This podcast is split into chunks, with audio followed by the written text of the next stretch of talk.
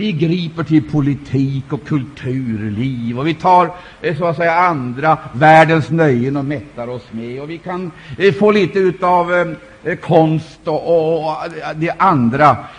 Dessutom så vore det ju helt underbart om vi fick övernaturliga manifestationer. Det finns ju det finns ju siare, det finns spåmän, det finns astrologer, det finns praktiskt taget allt möjligt som vi kan få vara med om. Det finns så enormt mycket. finns så enormt mycket. Vi behöver inte kämpa med, eh, mot det här och uppleva vår underlägsenhet, att ett, minor, ett folk i minoritet utan arméer, utan vapen, emot dessa enorma krafter. Ska vi ge oss ut på sådana äventyr? Se, folket kommer tillbaka. Åh, Gud i himlen, vad händer? Läs får du se. När man har totalt förbrukat det Gud hade när ögonblicket hade gått förbi, ögonblicket hade gått förbi och de hade förbrukat möjligheterna, vad gör de då? Då mobiliserar de sig, för då ska de demonstrera verkligen att de tror på Gud, och så ger de sig iväg utan Guds välsignelse. Ser du knorriskheten snabbt slår över i övermod.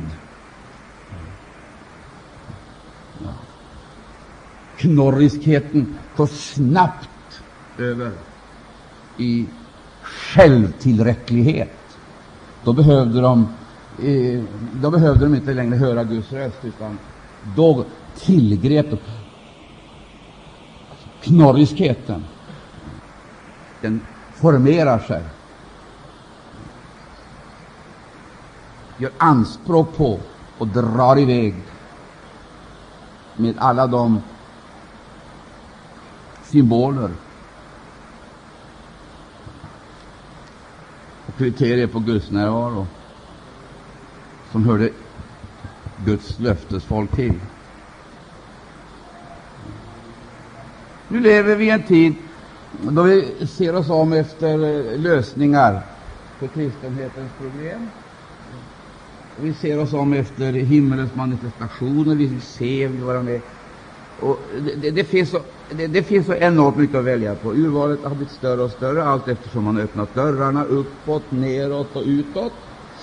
En del folk ropar till Gud, Herre förbarma dig över oss, annars förgås vi. De gråter dag och natt över de fallna ibland Guds folk. De är störda och de blir aldrig glada. Och så finns det de som säger heja, hurra, här går det bra. Eh, eller man kan uttrycka det på ett annat sätt. Man säger egentligen så här, jag är rik, mig fattas intet. Mig fattas intet. Eller också så börjar man alltså att umgås med andevärldens första på ett nytt sätt, och man upptäcker inte att man är alltså eh, objektet, alltså föremålet för den onda andevärldens maktspel. Hör på lovsången så märker du de konstiga ljuden, de främmande ljuden. Hör, det är något konstigt med det. Eller man skulle kunna säga så här, det här är varken segersång eller sång av bedrövelse, utan det här är en annan konstig sång, högljudd och voluminös och rytmisk. Det här är ingen jubelsång, sann jubel, det är någonting annat. Det är någonting som skorrar. Vad kan det vara som ligger bakom det här? Ja, det är ju guldkalven. Guldkalven. Mammon. Nedanför berget. När väntetiden tycks bli för lång så börjar man experimenten och så småningom så står det där färdigt. Ett nytt, en ny bild, en ny gudsbild. Jag vill fråga er, mina älskade vänner, är det någon här som känner att du behöver förnyelse? Då vågar jag påstå att du är åtminstone disponerad för Gud. Och det är det det handlar om här i Esra. Det vill säga, då du läser det nionde kapitlet så upptäcker du att det är frågan om ett folk, ett folk, som man kan säga det här om. Det är inte likgiltigt var de är någonstans, definitivt inte. För de hade övergivit Babylon, de hade övergivit fångenskapen. Tillståndet bland de fångna vid Babels floder, det kan du läsa om i salmen, psalmerna 137. Och du kan också läsa om vad som hände då dekretet kom att de fick återvända. Då skulle man kunna tänka sig att vi fick vad som skedde i, i Egypten i repris. Att alla, alla som en hade rest sig upp, samlat och koncentrerat, tagit eh, harporna ned från pilträdet och med sång och jubel återvände till hemlandet för att återerövra förlorade territorier. Landet,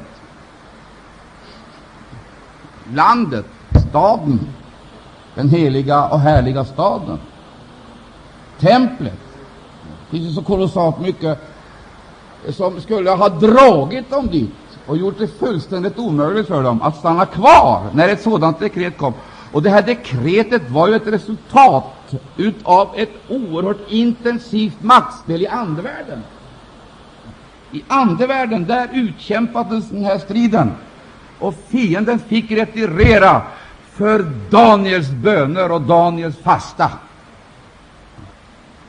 Så fick han beskedet, när assistansen kom, så fick han beskedet att redan eh, från eh, samma ögonblick som du vände dig till Gud och sökte förstånd, som du började bedja, så satte sig himmelens krafter i rörelse. Så berättas det om den strid och det motstånd som den här fursten över Persien bjöd. Vi ska inte glömma att det finns sådana furstar, andevärldens furstar. De finns överallt. De finns över Sverige, de finns över Europa, de finns över Stockholm, de finns över Örebro. Och de retirerar inte av vår sång och musik, det ska vi göra klart för och det tror jag vi vet också. Utan det måste till en helt annan bestormning, anstormning. Det var ju så att profeten hade kommit underfund med att, eh, att Jeremia hade sagt att fångenskapen skulle vara under en begränsad tid. Och nu närmade sig slutet. Åh, du förstår vad han blev krossad när han upptäcker det. Och så bestormar han himlen och ber han. Vem skulle han vända sig till och vem skulle kunna öppna dörrarna för detta instängda, isolerade folk? Vem skulle kunna hjälpa dem ut ur fångenskapen? Oh, och när aktiviteterna så att säga, börjar och, och det börjar röra på sig bland Guds folk, då träder åklagaren fram. Åklagaren. Vet du vad han gör? Han anklagar Josua. Prästen anklagar honom, diskvalificerar honom för uppgiften och uppdraget och vill hävda att han har ingen rätt, han har ingen makt, därför att han är oren. Han kan inte göra några anspråk. Egentligen så deklarerar han att översteprästen var i hans händer och tillhörde honom, för han hade inteckningar i honom. Då händer det att Josua han fick vara med om ett renande möte. Ja, inte sant? Herren renade honom. Du ser ju, Gud lägger en ny bindel på hans huvud. Delegerar honom makt och myndighet. Ja. Nästa moment så ser du Serubabel, ståthållaren. Serubabel ser du honom brottas med det jätteberg som ligger framför. Han såg naturligtvis hindren, de var oöverstigliga. Hur skulle det här kunna genomföras och förverkligas? Hur skulle det här kunna gå? Det är inte bara en sak det handlar om. Det handlar om folk som är splittrat egentligen, fastän splittringen inte är så synlig på det stadiet. Men det handlar också om en väg som ska så att säga avanceras, ända tills man kommer till landet. Några hade murarna i sinnet, det gamla templet.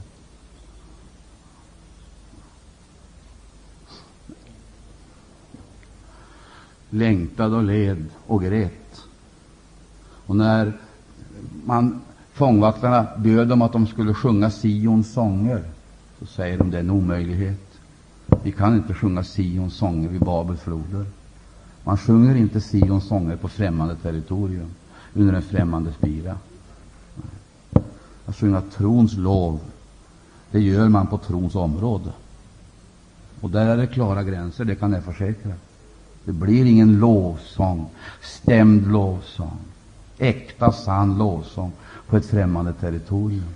Där blir det klagovisor, och de finns i klagovisorna. Där får du se stämningarna, sången. Det fanns ett och annat glimt av ljus. Glimt av ljus, vet du vad det var? Hans nåd varar evinnerligen. Det finns också nåd för ett fånget folk. Hans nåd varar evinnerligen. Hans nåd. Vågar vi hoppas på det?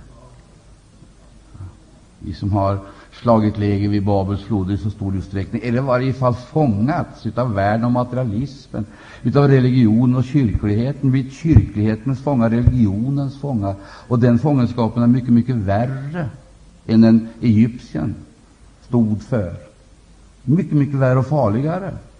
Jag undrar om inte det är det Paulus menar när han talar om att han eh, åter under vånda alltså för andra gången, måste föda dem på nytt till dess Kristus har tagit gestalt i dem. Alltså en andra födelse. Vad kan det vara för någonting annat än detta förfärliga Babylons väsende som berövar oss barnaskapets kriterier, alltså kännetecken? Vi blir religionens offer istället för frihetens söner. Gud har aldrig tänkt att du skulle bli en medlem i en matrikel. Aldrig!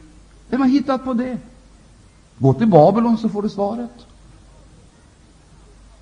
Aldrig tänkt klubba in dig i en religiös förening. Du är dyrt köpt. Betalningen är given. Du tillhör honom och han tillhör dig. Och det vi kallar för församling, det är vanligtvis en religiös förening som har tagit sig uppgiften att vara det de definitivt inte är. Nu tror du att jag sitter här och gnäller på andra kristna. Det gör jag visst inte. Jag är inte här för det. Jag har ett mycket högre syfte. Och jag blir definitivt inte berikad av att andra blir anklagade. Det här är ingenting annat än en självrannsakan. Det är inte frågan om vad de har gjort, det vet vi alldeles för väl. Babylon är Babylon, vem som än vistas där. Vad jag nu talar om, det är de som har lämnat Babylon och Babels floder och nu har kommit till landet och börjat bygga. Och som mitt under det att de håller på att bygga får vara med om en väckelse som kan leda till förnyelse. Och det börjar med att prästen blir krossad, tillintetgjord och gråter hejdlöst. De hade inte upphört att verka, upphört att arbeta. Konfrontationen, så att säga, med allt det de mötte, den blev hämmad. Vadå? Den blev, av vad då? Hämmad av allt det de hade släpat med sig ifrån Babylon. Att bli befriad ifrån Babylon var alltså ett villkor, självklart. Och så komma tillbaka till trons område eller Guds folks territorium. Det Gud hade uttagit. Men problemet var ju att de hade ju Babylon med sig i sitt hjärta. Väsensfrämmande element. Väsensfrämmande element på det emotionella planet, på det sociala planet, på det teologiska, filosofiska planet. Då bröt det igenom. Relationsfrågor och andra frågor gjorde att de inte lyckades särskilt bra att förverkliga Guds uppdrag och därför behövdes det ett helgelsemöte, ett väckelsemöte av en alldeles speciell karaktär. Och Det här kan vi läsa om, alltså, epok efter epok. Rakt genom hela Israel så är frågan om helgelse och förnyelse. Så kommer Nehemja, och där blir återigen helgelse och förnyelse. Det är frågan om gemenskapsformerna och allt sammans.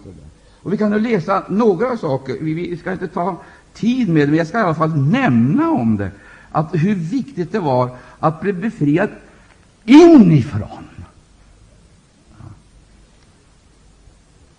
Ska det bli något genomslag, någon genomslagskraft, så måste vi vara med om en inre befrielse.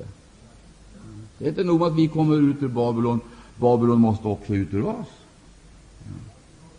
Hur ska det kunna ske? Ja, om jag hade möjligheter till att försöka matcha fram sådana ställningstaganden, så skulle jag göra det. Då blir jag bara en domptör. Det leder inte fram till någonting annat än att ni möjligen eh, kommer att frukta att krypa ner på knä för mig och tillbedja mig, eller också så kommer ni att vägra ta emot och börja slåss. Det ena är lika sannolikt som det andra. Det blir uppror, kaos. Det leder fram till någonting. Men jag måste överlämna det här till era samveten och hoppas till Gud att vi ska få nåd att ta emot det. Så han eh, kan så att säga tala till oss enskilt och, nå vårt hjärta. Jag har ingen härskande makt, jag har en tjänande makt, och den får jag försöka att använda på ett sådant sätt att du begriper att det är inte Arne Imsen som sitter här nu och försöker diktera er eh, att gå in i Maranata. Nej. Eller bli en fanatisk, så, så att säga, sekterist. En del säger att det finns gott om sådana. Jag har inte sett så särskilt många. Eh, jag vet inte vad de är. Fick jag veta det så är det sannolikt att jag drog dit. Men i varje fall, jag vill göra klart för oss en sak. Det är vi som måste väckas, våra samveten, och så måste vi få klarhet, klarhet, klarhet. Sådan klarhet alltså att vi inte låter oss luras av illuminationer och fyrverkerier, utan vill ha ljuset, sanningen och den eld som han vill tända i våra hjärtan. Vill du ha det, så säg amen. Vill du ha det, så säg amen. Gud har aldrig åtagit sig att ändra någonting i organisationernas liv. Aldrig! De har han lämnat för länge sedan. Det tillhör Gamla testamentet. Han har aldrig åtagit sig att ändra några organisationer. Han har åtagit sig att genom ordet och anden frälsa människor, individer.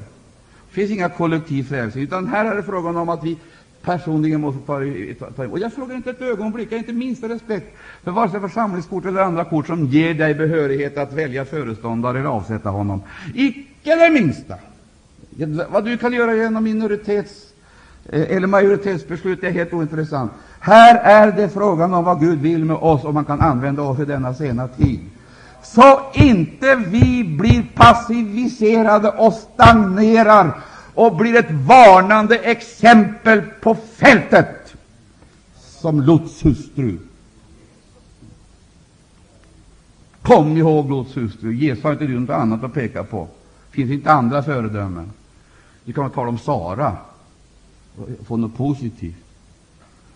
Lots hustru förvandlades till en saltstod. Och det var inte hennes förtjänst att hon kom ut ur Sodom. Sodom var hennes hem. Där var hon mantalskriven till ande, själ och kropp. Hon älskade Sodom, och Sodom älskade henne. När änglarna kom, då skulle hon ha skrikit i vånda. Hon skulle ha ropat i förtvivlan. Hon skulle ha kastat sig ner på marken och ropat Finns det ingen räddning för mina mågar? Finns det ingen räddning för denna familj? Finns det ingen räddning för detta folk? Finns det ingen. Hon hade förlorat möjligheten att känna förnimma. Och det hon hade behövt höra, det gick förbi henne. Det hörde hon inte. Men ropet steg upp till honom där uppe. Han hörde det hon skulle ha hört. Hon hade inte tid, därför att hon arbetade för, för Sodoms framgång. Hon tänkte på sin kropp, hon tänkte på självförverkligandet i staden, klubbverksamheten, reformverksamheten, Rädda Barnen, Röda korset, nykterhetsrörelsen. Hon får möjligheten att göra ett riktigt positivt och reformatoriskt inflytande i sitt samhälle, sin samtid. Förlåt att jag säger så här, men jag vet att hon var självbedragen.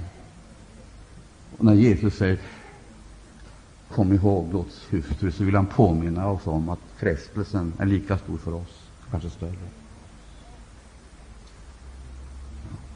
Min själ gråter. Det är inte tårar som rinner ner från mina kinder, men det är tårar i mitt hjärta.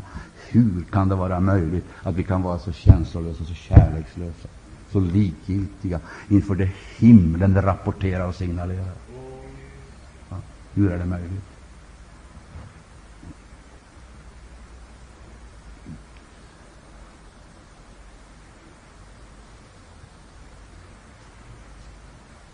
Hur är det möjligt?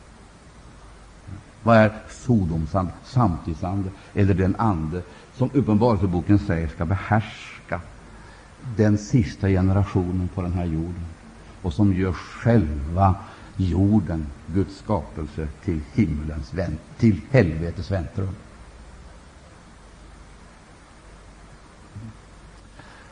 Och Herre, jag ber dig, låt elden falla över ditt folk.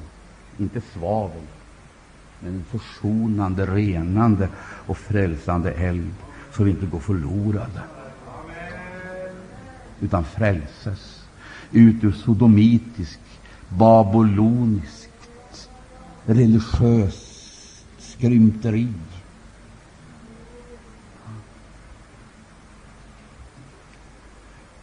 Jag älskar dig så det är ont, ska du veta. Och kan detta predikanthjärta känna kärlek till dig, din medmänniska, då förstår du hur himlens Gud lider genom Sonen. Han sörjer. Och det hörs. Ropet från Sodom, det är ropet ifrån de förförda, misshandlade, ropet från de svaga, ropet från barnen, de exploaterade, utnyttjade, ropet från de prostituerade, som snobbarna har utnyttjat, ropet ifrån dem som blir trälar i profitens slaveri, ropet ifrån de kränkta, utnyttjade. Ropet har stigit upp till honom. Hon borde ha hört det, Lots hustru. Hon hörde ingenting. Hon var modern.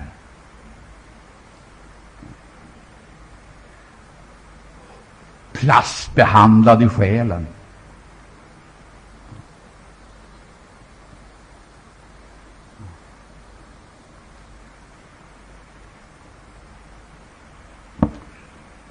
Varför ska jag sitta på det här viset? Tala på det här viset? Vet du varför? Han kommer snart att stiga ner. Och det vi idag möjligen inte förmår inse, det kommer vi att inte bara se, men känna innanför skinnet.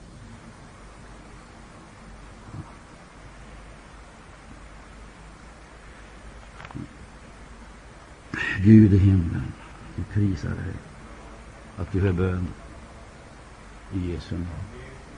Du, vem var det som skulle kunna bära ut det här budskapet och gestalta det? Det var inte Lot, men det var Abraham som var utanför staden. Han fick besök av änglar. Han förstod situationen och greps och började omedelbart att intensifiera sina böner och trädde in i bönens ämbete med en myndighet som aldrig tidigare. Och så går han emellan, han går rakt in i svalget och ställer sig mitt i svalget. Ställer han sig, och så ropar han Herre, Herre, finns det femte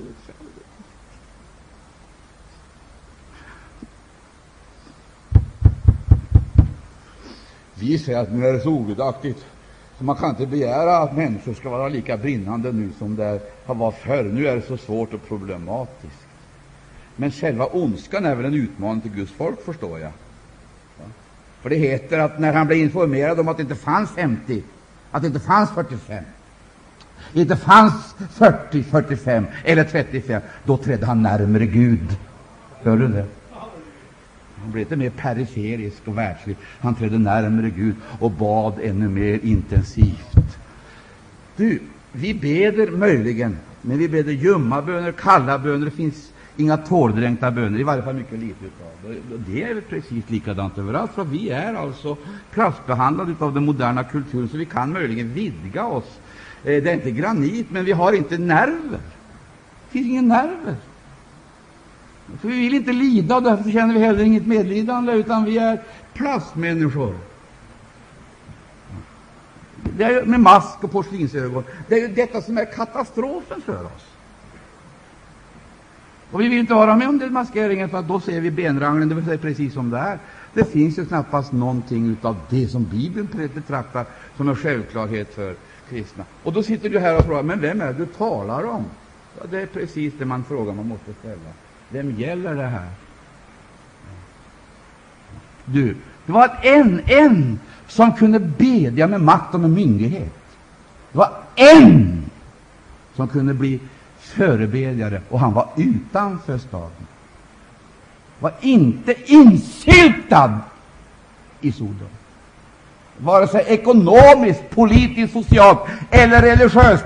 Han var utanför, och därför så var han suverän. Och det är bara de som är utanför som har makt med Gud.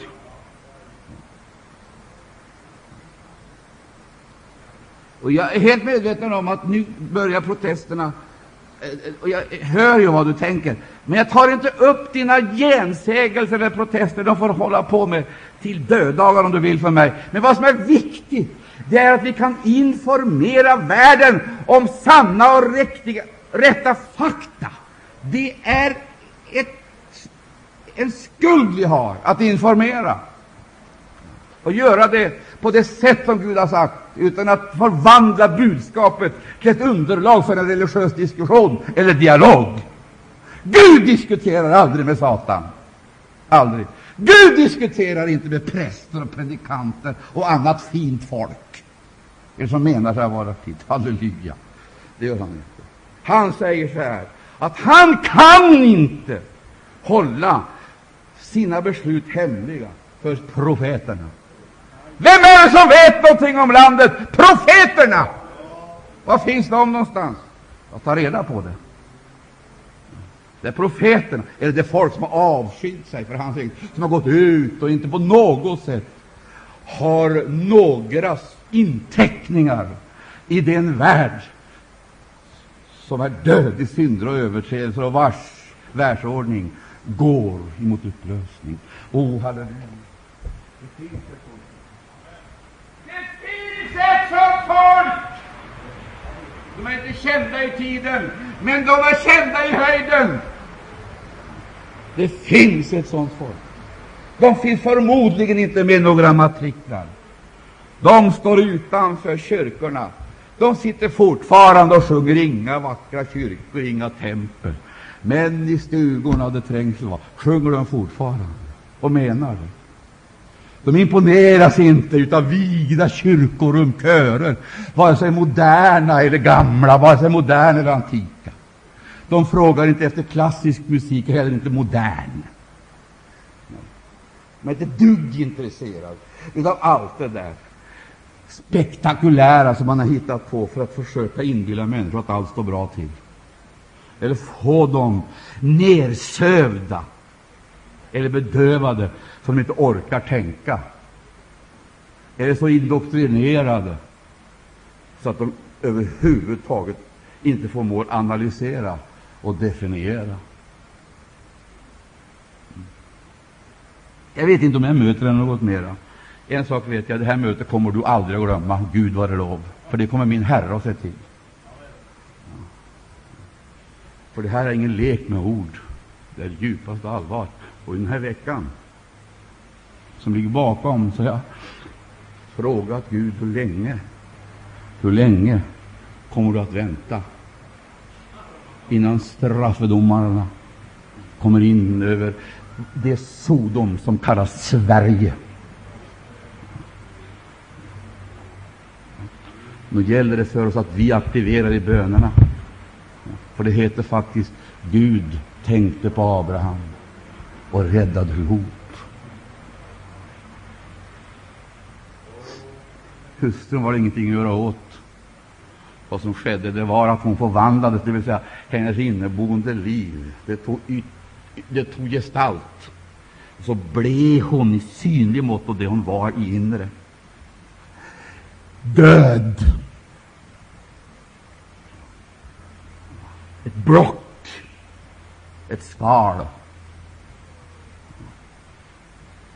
Som fortfarande står på slätten som ett varningsexempel. Det är bara det att nu finns det miljontals tillsammans med henne. har fått platsen på samma ställe. Och det ser ut som den skaran stiger för varje dag som går.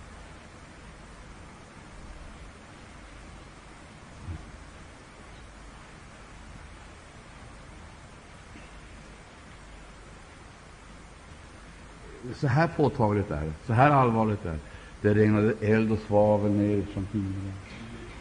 Ingen skonades, inget skonades.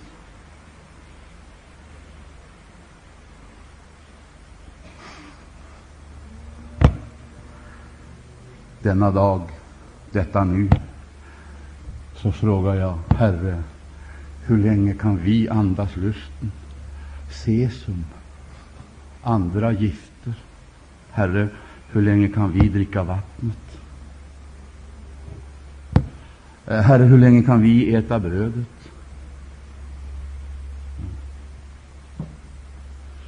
Eh, Herre, hur länge dröjer det tills klimatet radikalt förändras? Vi får en ny fimbulvinter. Du vet. En sak är klar.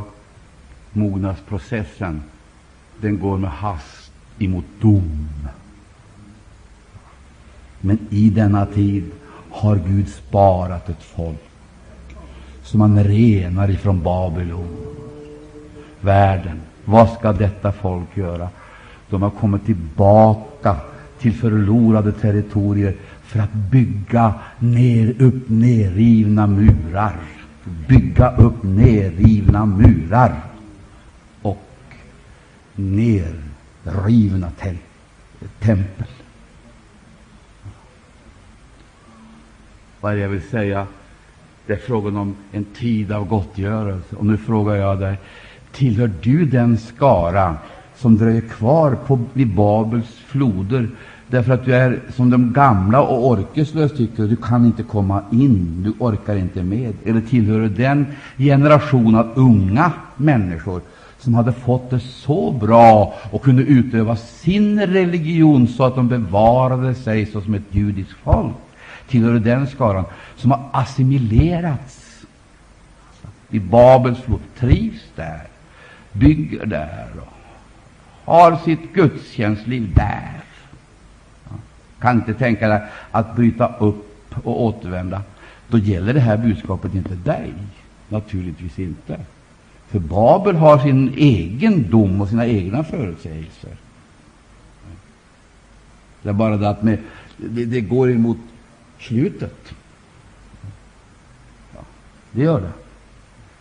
Alltså, har du, det är många grupper, förstår du. Det är de som har slagit sig till ro och trivs. De tycker att det här med uppbrott behöver vi inte tänka på nu. Det var för 70 år sedan det var aktuellt. Eller väckelsens begynnelse, då var det aktuellt. Vad ska vi tänka på det nu, när vi har blivit erkända? Vi har blivit erkända nu. Nu har vi möjlighet att utöva inflytande på samhället. Vi kan ju bli kommunalfullmäktiga och andra eh, taburetter kan vi få, andra mandat kan vi få eh, om vi vill hänge oss så att säga åt solidarisk samhällsverksamhet Eh, för reformer. Vi kan ju bli KDS-are exempelvis, det värsta som finns. Det finns ju ingenting värre än KDS. Om du ska se något exempel på avkristning, då ska du titta på KDS. Det var först när de avkristnades rejält som de fick framgång.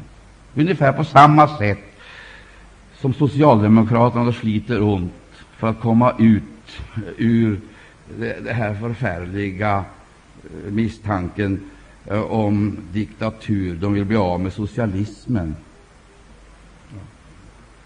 Ser du då Socialdemokraterna kämpar för att avsocialiseras och KDS kämpar för att avkristnas. Och båda lyckas förmodligen. Och kommer bli profitlö, profillösa och utslätade. Och så går de och säger nu ska vi bygga upp samhället med kristen etik. Det är ingen människa på denna jord som vet vad det är, inte ens Gud vet det. För något sånt finns inte. Han har aldrig, han har aldrig någon gång hittat på någonting så eh, motsägelsefullt som kristen etik. Det finns ingenting sånt.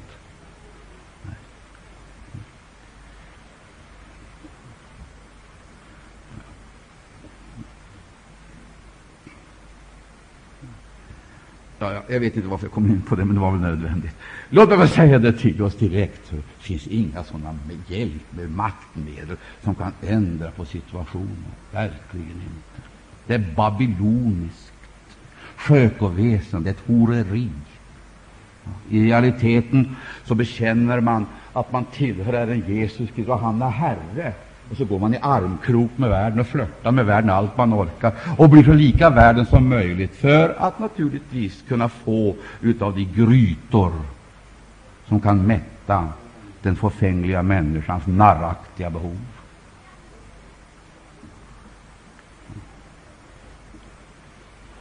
Du får gärna rösta på kds för mig, det är ju din sak. Nej, för all del, gör det inte.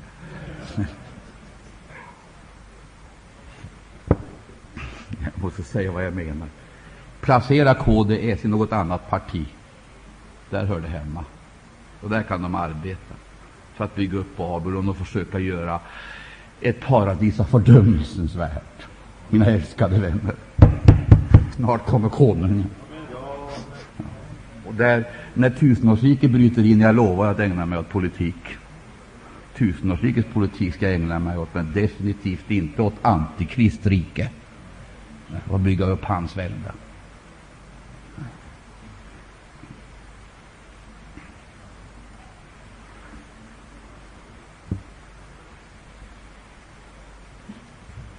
Ja, käre Gud i himlen. Ja, det var mycket på en gång. Och Gud hjälpa oss så vi kan ta emot det.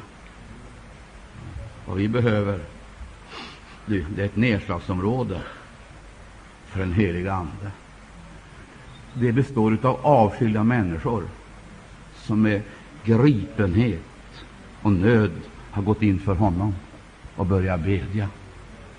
Som har lämnat Babels floder och sett att det icke har någon som helst framtid. Närmat sig landet och gått in i det, ställt sig till Guds förfogande och är nu föremål för hans tuktan. De som var i landet var de som blev föremål för hans tuktan. Inte de som var i Babels de lämnades därhen. Men de som var i landet, de behövde väckelse på väckelse, förnyelse på ny förnyelse, helgelsevåg på helgelsevåg för att bli allt mera skickliga att möta motstånd, svårigheter och allt det som hör denna världen till för att kunna bygga vidare. Och jag hör ropen, ekot från den grupp som fick vara med när grunden lades. Man såg Templet tar form, Guds verk tar form av avskilda, helgade, förnyade, som icke ryggade tillbaka, utan de var, kände sig underlägsna, ensamma och bördorna blev för tunga, så höll de ut. Och det såg ut som om de inte skulle klara av uppgifterna. Då kom det profeter så ropade de ut, vem du än är, du stora berg som reser dig upp emot Zerubabel, så skall du kastas, brytas, förintas. Blocken är många i tiden, grupperna är många, fientliga, hårda, omutliga, fräcka. Vem du än är, du politiska maktblock, du religiösa maktblock, vem du än är, som reser dig upp mot evangeliet, mot vår Zerubabel, mot Guds folk. Du ska utplånas. Och det ska inte ske genom någon människas styrka eller kraft. Gud vare lov, Gud vare lov, Gud vare lov, Gud vare lov, Gud vare lov, Gud vare lov, utan genom min ande, säger Herren. Och det sägs klart och tydligt att jubelstenen, den ska föras fram under jubelrop. Står det inte det? Ja, stenen, den sista stenen, jubelstenen. Den ska föras fram med jubelrop. Snart kommer förnedringen.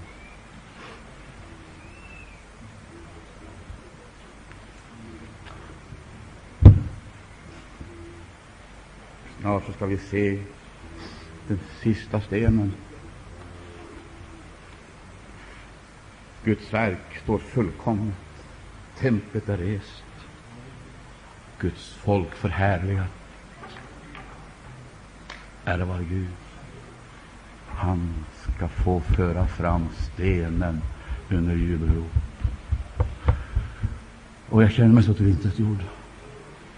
Det är försmäktande. Han ska lyckas. Han ska lyckas. Egypten lyckades inte. Sodom lyckades inte. Babylon lyckas icke. Rom lyckas icke. Men konungen, människosonen, han ska lyckas. Han är Herre och han ska visa sig vara Herre. Din Herre, min Herre. Hans rike vacklar icke.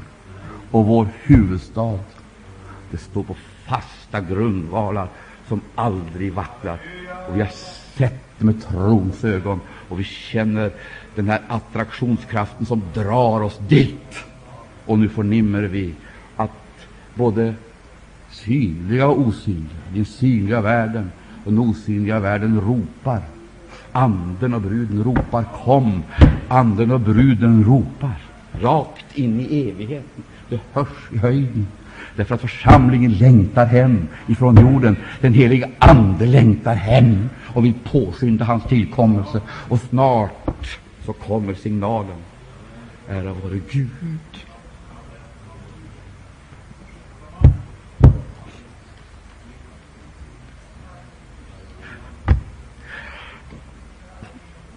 Och vi ska möta honom. Segerhjälten. Satsa på honom och honom allena. Sätt den här hästen i Uppenbarelsebokens sista kapitel. Gå ut, ryttaren. Du har sett honom. Satsa på rätt häst, min älskade vän. Det är full utdelning. Satsa på rätt häst. Snart går han i mål. Gud. Och det är full utdelning. Hans namn var Guds ord. Han hade en mantel doppad i blod.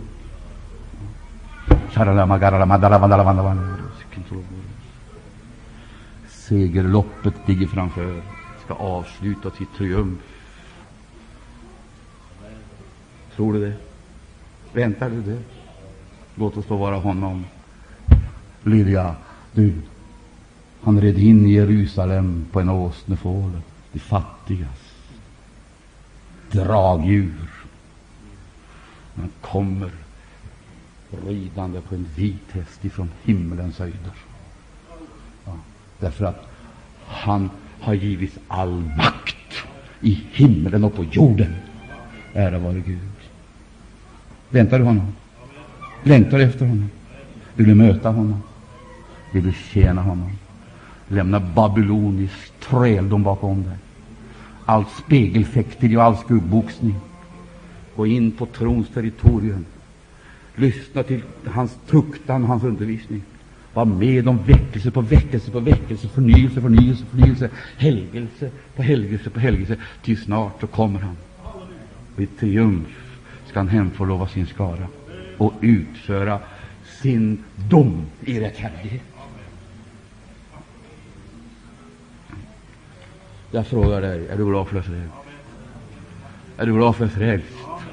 Är du glad för frälst? Nu ska vi tacka Jesus någon, ska vi sjunga en sång och offra till Guds verk. Är du här som upplever och Herre, jag behöver vara med om den här helgelsen, befrias från babyloniskt tänkesätt och väsende. Jag behöver vara med om den här förnyelsen. Jag behöver vara med om den här frigörelsen. Jag behöver vara med så att jag blir gripen av den här nitälskan och arbetar och verkar för att Guds folk ska resa sig upp ifrån sin vanmakt, inta sin maktposition och börja utföra det verk och uppdrag som konungen har gett. Bygg upp rivna murar. Murarna mot världen. Bygg upp dem.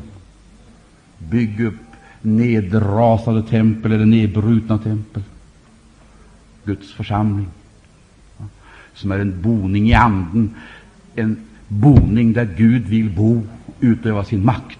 Församlingen måste bli en maktfaktor i tiden, en tjänande makt som kan avslöja, uppenbara och synliggöra Herren Jesus Kristus, prästen, profeten och konungen. Ställer du upp på det? Gud välsigne dig. Är det någon som leder sig fram? Vem som helst.